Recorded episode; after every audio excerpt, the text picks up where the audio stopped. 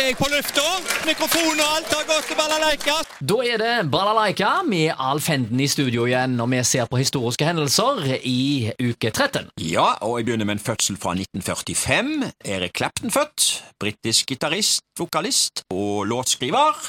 Han slo gjennom med hiten Laila, men eh, jeg tenker liksom han tilbake på 70-tallet med både balladene Tears in Heaven og Wonderful Tonight, og hits med Futti, da, som Cocaine og Lay Down Sally. 70-tallet var det store for Clapton, var det ikke det? Mm, jo da, men han holdt eh, Ja. stand òg Ja, på 80- og ja. 90-tallet, så han har hatt mye hiter, altså. Ja da, ja da. 1968 ble Céline Dion født, kanadisk sanger. Eh, I 1998 så vant hun Eurovision Song Contest for Sveits, og senere så fikk hun jo store hits med That's The Way It Is, The Power of Love, og ikke minst My Heart Will Go On. Fra Titanic. Titanic, vet du. Ja, Céline Dion altså, født 1968. Hendelser eh, internasjonalt. 1867. USA kjøper Alaska fra Russland for 7,2 millioner USD. Det ja. er spesielt. ja. Ja. Kanskje de angrer på det nå? Eh, kanskje. Um, 1981. Attentatforsøk på USA-president Ronald Reagan utenfor et hotell i Washington DC. Reagan ble jo skutt i brystet, men han var jo vant med å bli skutt i westernfilmer, så han sto han av. Ja, ja, ja. Han overlevde det. Han gjorde jo det. Hendelser eh, lokalt. Kino i uke 13, det har jeg tatt for meg 1993. Der gikk altså på Edda, da, Duften av kvinne. Al Pacino. Tiårsgrensa på den. Eh, Det som sto i annonsen, det var Vil du le, må du se denne. Så gikk filmen Sneakers, en film med Robert Redford. Og så gikk filmen eh, Innhentet av fortiden, 15-årsgrensa på den òg. Og så gikk der en film som heter Telegrafisten, du. Oh, ja. Ja, en frodig, god og deial norsk film, står det i kinoannonsen. Um, Deial. Deilig! Deilig, ja, ja. ja, ja, ok, ja. ja. Du begynte å lure om de hadde funnet opp et nytt norsk ord her. Uh, ja, ikke sant? Uh, Ja. Men telegrafister, ja, de, de forsvant altså. Eh, Det ble ikke mange telegrafister etter 1993, gitt. Nei, det var nok ikke det. Men de lagde iallfall en film om det, da. Ja, ja. Til og med mobiltelefonene kom vel da? Ja, ja. Så jeg tar, med en film til. Eh, Blod på tann heter den. Gikk med 18-årsgrensa. Eh, Det var en film av John Landis med eh, Blues Brothers og Delta-gjengen. Og det vi jo litt sånn humor her, og litt action og litt, litt gale. Ja, ja, Ja, ja. det aner vi vel her. Det var altså Kinemenyen i 1993, og vi fortsetter med 1993. Faktisk alt, alt skal dreie seg om 90-tallet her i dag. Eh, kjempehøy telefonregning. Overskrift Haugesunds Avis. Ringte for 249 000 i løpet av tre uker. Oi. Nå skal du høre, du.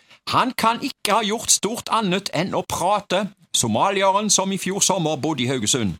I løpet av 21 dager opparbeidet han seg nemlig en telefonregning på 249 000 kroner.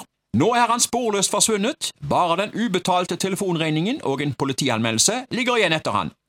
Mannen bodde i en såkalt SIF-boleilighet som tilhørte det daværende Selskapet for innvandrer- og flyktningbolig i Haugesund. Men ifølge Jonny Danielsen ved innvandrerkontoret i Haugesund var det somalieren selv som sto som eier av telefonen. Det er aldri installert telefon i de leilighetene som nå lånes ut til innvandrere og flyktninger. Så var heller ikke tilfellet i denne, som jeg mener å huske at somalieren disponerte i et halvt års tid. Telefonabonnement skaffet han seg selv på slutten av boperioden, og deretter forsvant han, sier Danielsen. Ja, altså telefonregning på nesten 250 000. Eh, kan han ha ringt til Teletorget eller noe lignende? Ja, det kan ha vært Teletorg-tjenester, selvfølgelig. Ja. Kanskje han eh, drev Teletorg-tjenestene sjøl, ikke sant? Jeg tror iallfall ikke han har uh, huska på de rådene som vi fikk i gamle dager. Vente etter klokka 17 med å ringe, for da er det mye billigere. Jo, men uh, han kunne vel verken lese eller skrive norsk, så okay. den advarselen fikk han aldri. Nei.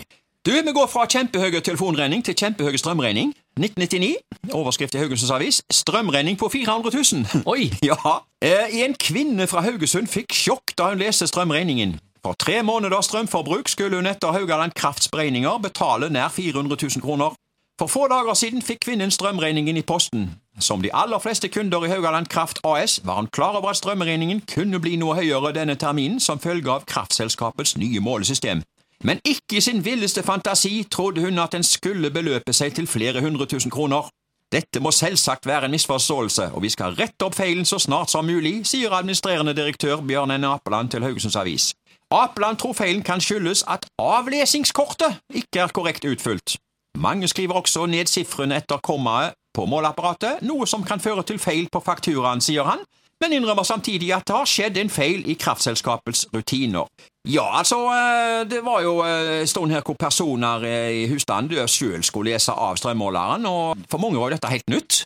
De var Ja. vant med at det kom noen på døra, og som oftest en mann da, skulle sjekke strømmen, ikke sant? Mm. Hvor mye som var gått i strøm, og bare åpna sikringsskapet til mannen, så gjorde han jobben. Ja, ja. Plutselig skulle folk begynne å lese sjøl, Ja, stemmer. og da var det nok en del som slurva og misforsto, og Gjorde feil. tydeligvis i dette tilfellet her, Men altså, de burde jo hatt eh, noen rutiner eh, Ja. som tilsa at hvis eh, du hadde en økning på eh, mer enn 50 for eksempel, så burde de sendt en eh, kontrollør uansett for å lese av. Ja. Eh, Fordi da er det så stor sannsynlighet for at du har gjort feil. Ja.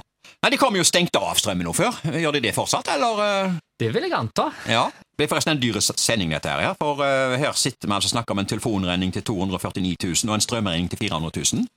Så det er vel dyreste sendingen vi har hatt Ja, er noensinne her. s- strømprisene ganske høye akkurat for øyeblikket, så bare strømmen vi har brukt mens vi sitter her og gjetter, den er vel kanskje i hvert fall 3,5 kroner. Ja. Ja. Og da er det bare én ting å spørre om, da vel? ja, det er egentlig bare én ting å spørre om, Ja. og det er Manuell måleravlesning av strømmen!